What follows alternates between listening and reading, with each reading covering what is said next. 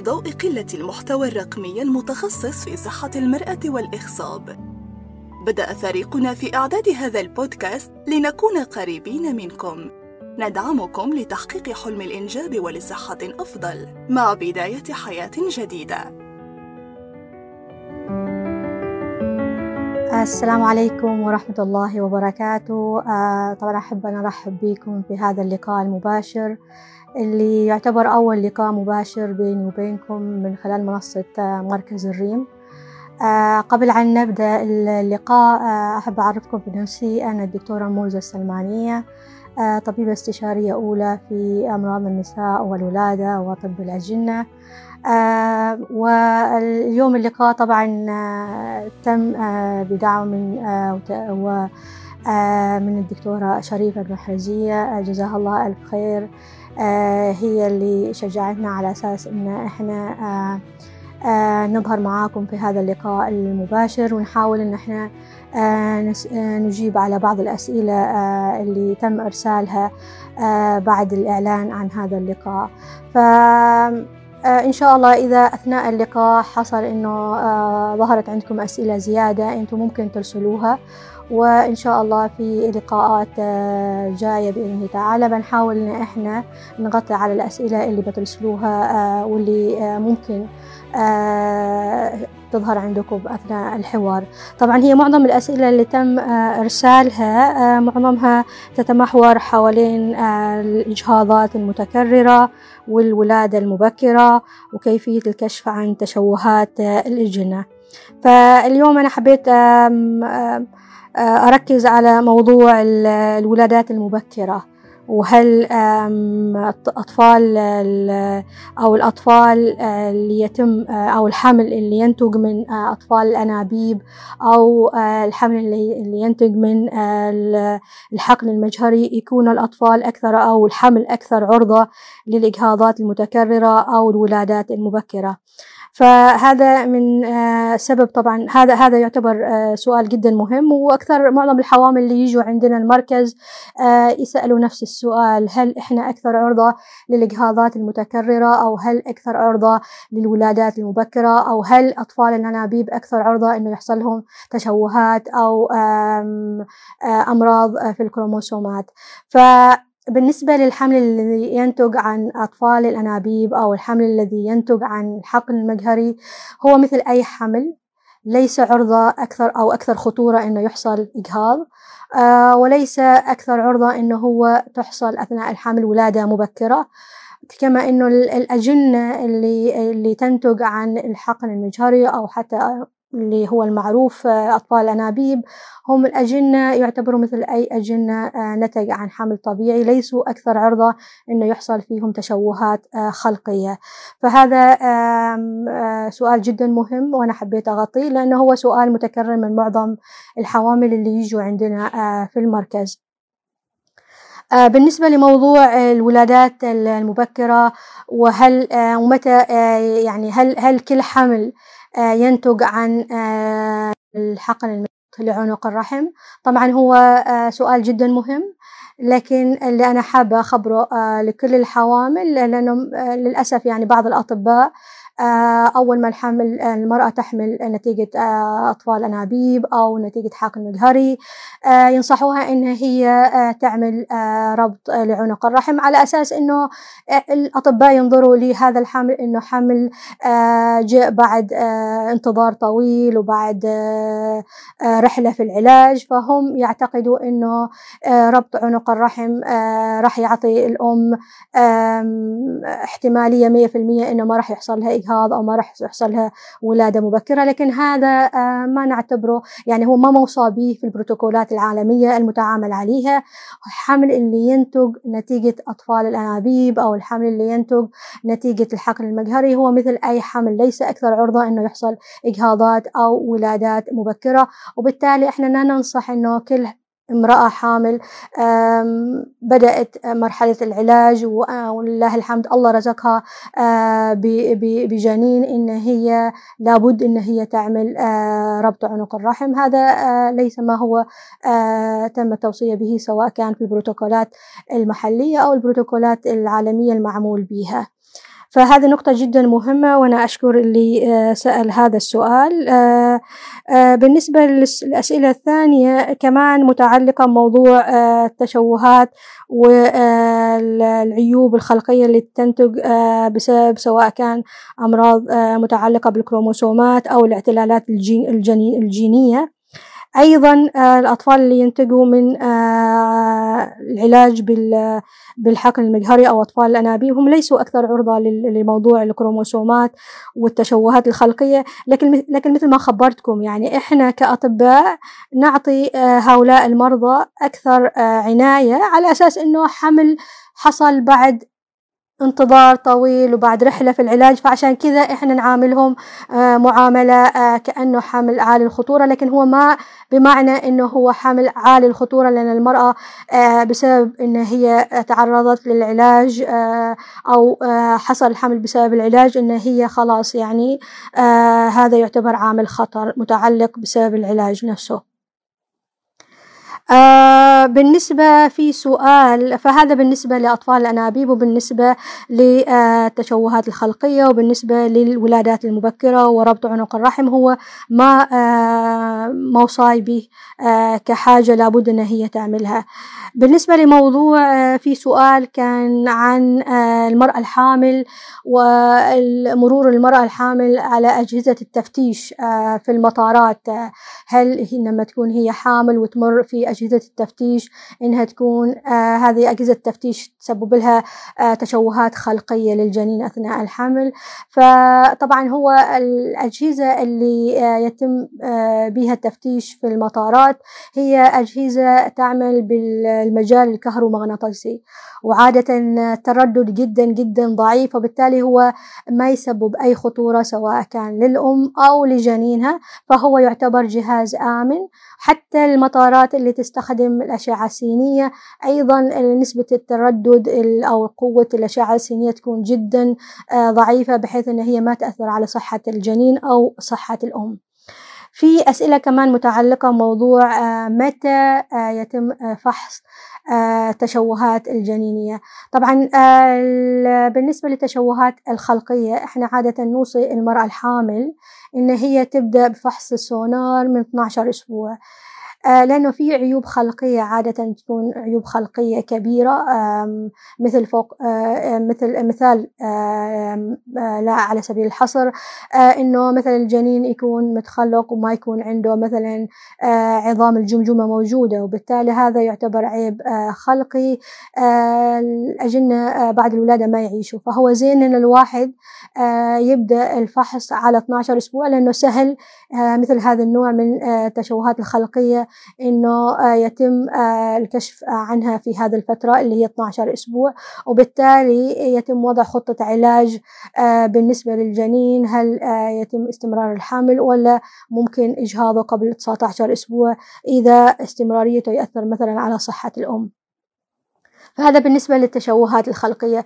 بالنسبة للسؤال موضوع الفحص إحنا نسميه ال NIBT اللي هو عادة آه، المرأة يتم أخذ فحص دم منها ويتم آه، التشخيص آه، هل هو لا يعتبر فحص تشخيصي وإنما يتم يعتبر فحص لتقدير مدى خطورة أن هذه الأم يكون عندها اختلالات في الكروموسومات اللي هي الكروموسومات الشائعة مثل آه كروموسوم المتعلق بالطفل المنغولي أو Down syndrome. وفي كروموسومات آه ثانية تكون آه مصحوبة بعيوب بتشوهات خلقية تؤدي إلى وفاة الجنين أو تؤدي إلى اعتلالات عادة ما يعيش معها الجنين بعد الولادة.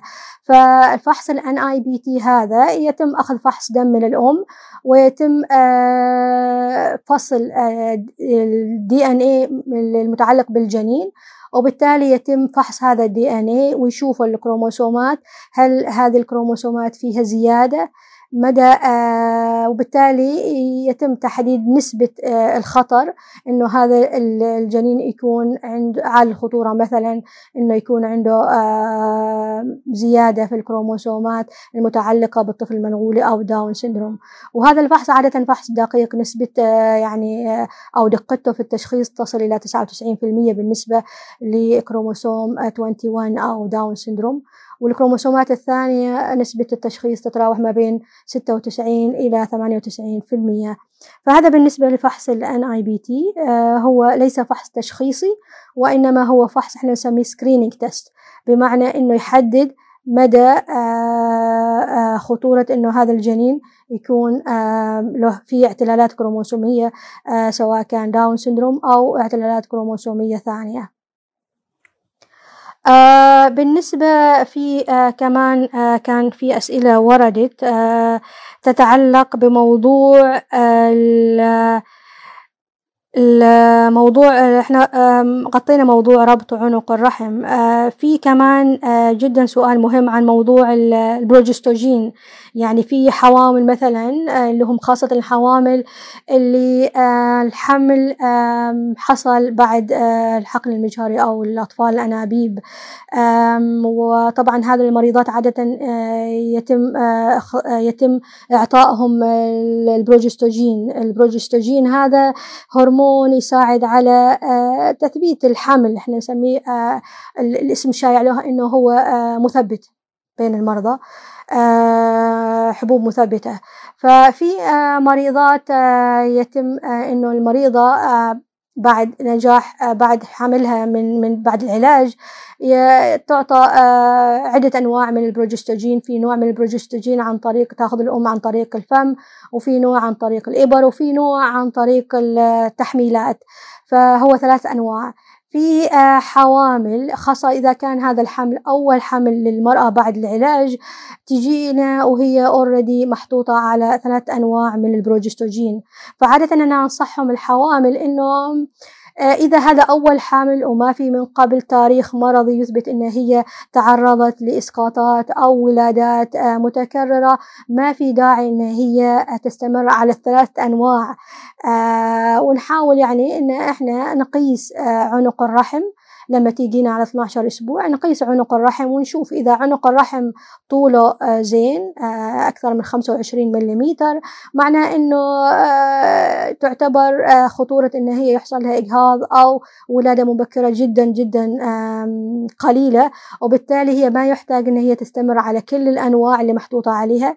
يعني إذا هي من النوع اللي جدا يعني مصرة إن هي تستمر البروجستوجين نعطيها فقط أو ننصحها إن هي تستخدم فقط التحميلات مع إن البروتوكولات العالمية يعني وصايا وتوصيتها إنه ما يحتاج إن هي تكون على هذه الأنواع من البروجستوجين فقط يتم معاملتها كأي حمل طبيعي وعلى عشرين أسبوع لما تيجي لفحص التشوهات الخلقية بالسونار أيضا يتم قياس عنق الرحم وإذا عنق الرحم هو نفس الطول ما نقص وما حصل في فتح في فتحة عنق الرحم. عادة هذه الحوامل ما يحتاج أنهم هم يستمروا على البروجستوجين سواء كان بروجستوجين عن طريق الفم أو عن طريق الإبر أو عن طريق التحميلات يتم معاملتها كأي حمل طبيعي.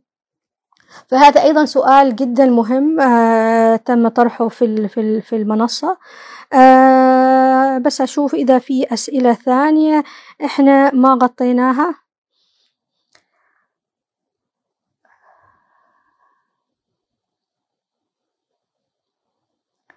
طبعا موضوع عمل السونار لكشف التشوهات أنا خبرتكم إنه السونار المبدئي لكشف التشوهات يتم على 12 أسبوع وبعدين نعيده مرة ثانية على 20 أسبوع فقط لأنه على 20 أسبوع يكون موضوع فحص القلب يكون أكثر دقة بالإضافة لفحص الدماغ أيضا يكون أكثر دقة على 20 أسبوع مقارنة ب 12 أسبوع. بس كمان معظم التشوهات التشوهات الخلقية يتم أيضا الكشف على 12 14 أسبوع من الحمل.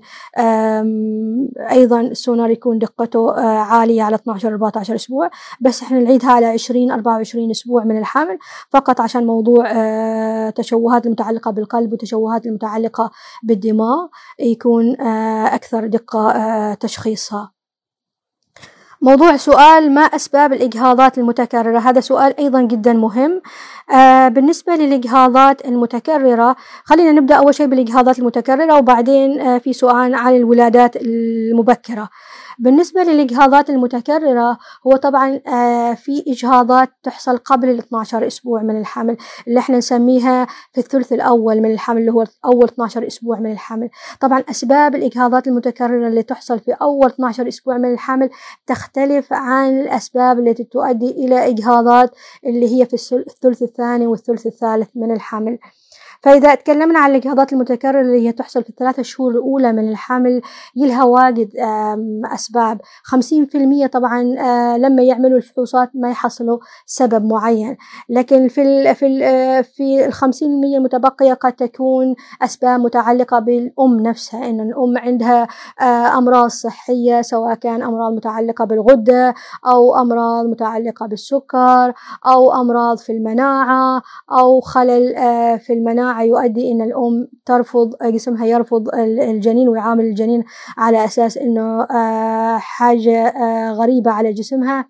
أو في خلل في الهرمونات هي نفسها الأم عندها خلل في الهرمونات فهي عادة الأم يتم عمل فحوصات للوصول إلى إلى السبب. قد تكون أيضا أسباب متعلقة بالرحم نفسه أو ببطانة الرحم في مثلا الرحم في عيوب خلقية تمنع انغراس الجنين في في في بطانة الرحم بالطريقة السليمة ويؤدي إلى إجهاضات متكررة متكررة. ففي في في تشوهات متعلقة بالرحم في تشوهات أيضا في في في في حالات أيضا تكون متعلقة ببطانة الرحم نفسها. ف وفي حالات تكون سببها إنه الجنين الأم أو الأب يكون عندهم اعتلالات كروموسومية أو جينية تؤدي إلى حصول الإجهاضات المتكررة لدى الأم. فهذه الأسباب اللي تؤدي هذه بعض الأسباب اللي تؤدي إلى الإجهاضات المتكررة في الثلث الأول من الحمل. بالنسبة للإجهاضات المتكررة في الثلث الثاني والثلث الثالث من الحمل بعضها قد يكون متعلق بأنه الأم عندها ضعف في عنق الرحم وبالتالي عنق الرحم ما يقدر يعني ما يقدر أنه هو يؤدي إلى استقرار الحمل طوال التسعة شهور. فبالتالي الأم عنق الرحم يبدأ إنه هو يقصر يقصر وبعدين يفتح عنق الرحم ويؤدي إلى إجهاض سواء كان في الثلث الثاني أو الثلث الثالث. إحنا نسميه الولادات المبكرة. فهذا كيف إحنا يتم تشخيصه؟ أول شيء من التاريخ المرضي للأم.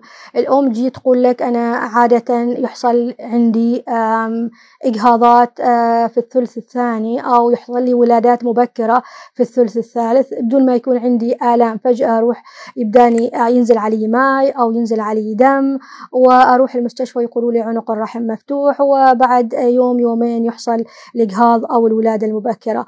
أو انها هي تجي تقول لك إنه خواتي أو أمي كان كمان عندها ولادات مبكرة. فهذا عادة أحد من أحد الأسباب أن الأم يكون عندها أو العائلة نفسها يكون عندها مرض وراثي متعلق بالأنسجة نفسها. تؤدي أنه الرحم يكون ضعيف ما ما يقدر أنه هو يبقي الجنين داخل الرحم ويؤدي إلى إجهاضات وولادات مبكرة. فإحنا كيف يتم التشخيص؟ من خلال أول شيء التاريخ المرضي وبعدين الأم يتم قياس عنق الرحم من 12 أسبوع نقيس عنق الرحم. إذا عنق الرحم طويل وهي كان عندها فقط إجهاض آه واحد أو ولادة مبكرة. واحد قد يكون الأسباب مش فقط عنق الرحم قد تكون أسباب متعلقة بالمشيمة أو متعلقة بالأغشية اللي هي الكيس الأمنيوني. إنه هي الأم كان عندها أيضا آه التهاب داخل الكيس الأمنيوني أو التهابات داخل الرحم هي اللي أدت إلى الإجهاض والولادات المبكرة. فإذا عنق الرحم طويل آه فعادة إحنا الأم المرأة ننصحها إن إحنا نعيد مرة ثانية قياس عنق الرحم بعد أسبوع. أسبوعين. وإذا عنق الرحم استمر بنفس الطول. عادة إحنا ما ما ما ما نعملها ربط عنق الرحم فقط نخيرها يا إما إحنا نستمر نقيس عنق الرحم أو نبديها على مثبتات اللي هي تحميلات تأخذها يوميا قبل النوم لأنه التحميلات هذه ما لبث إنها هي تحافظ على ثبات أو آه تعتبر مثبتات إن هي تعمل آه تمنع الإجهاض أو الولادة المبكرة إن هي تحافظ على ثبات عنق الرحم فقط. بينما أيضا تحافظ على آه ثبات أو تقلل من الأسباب اللي تكون متعلقة بالمشيمة والأغشية.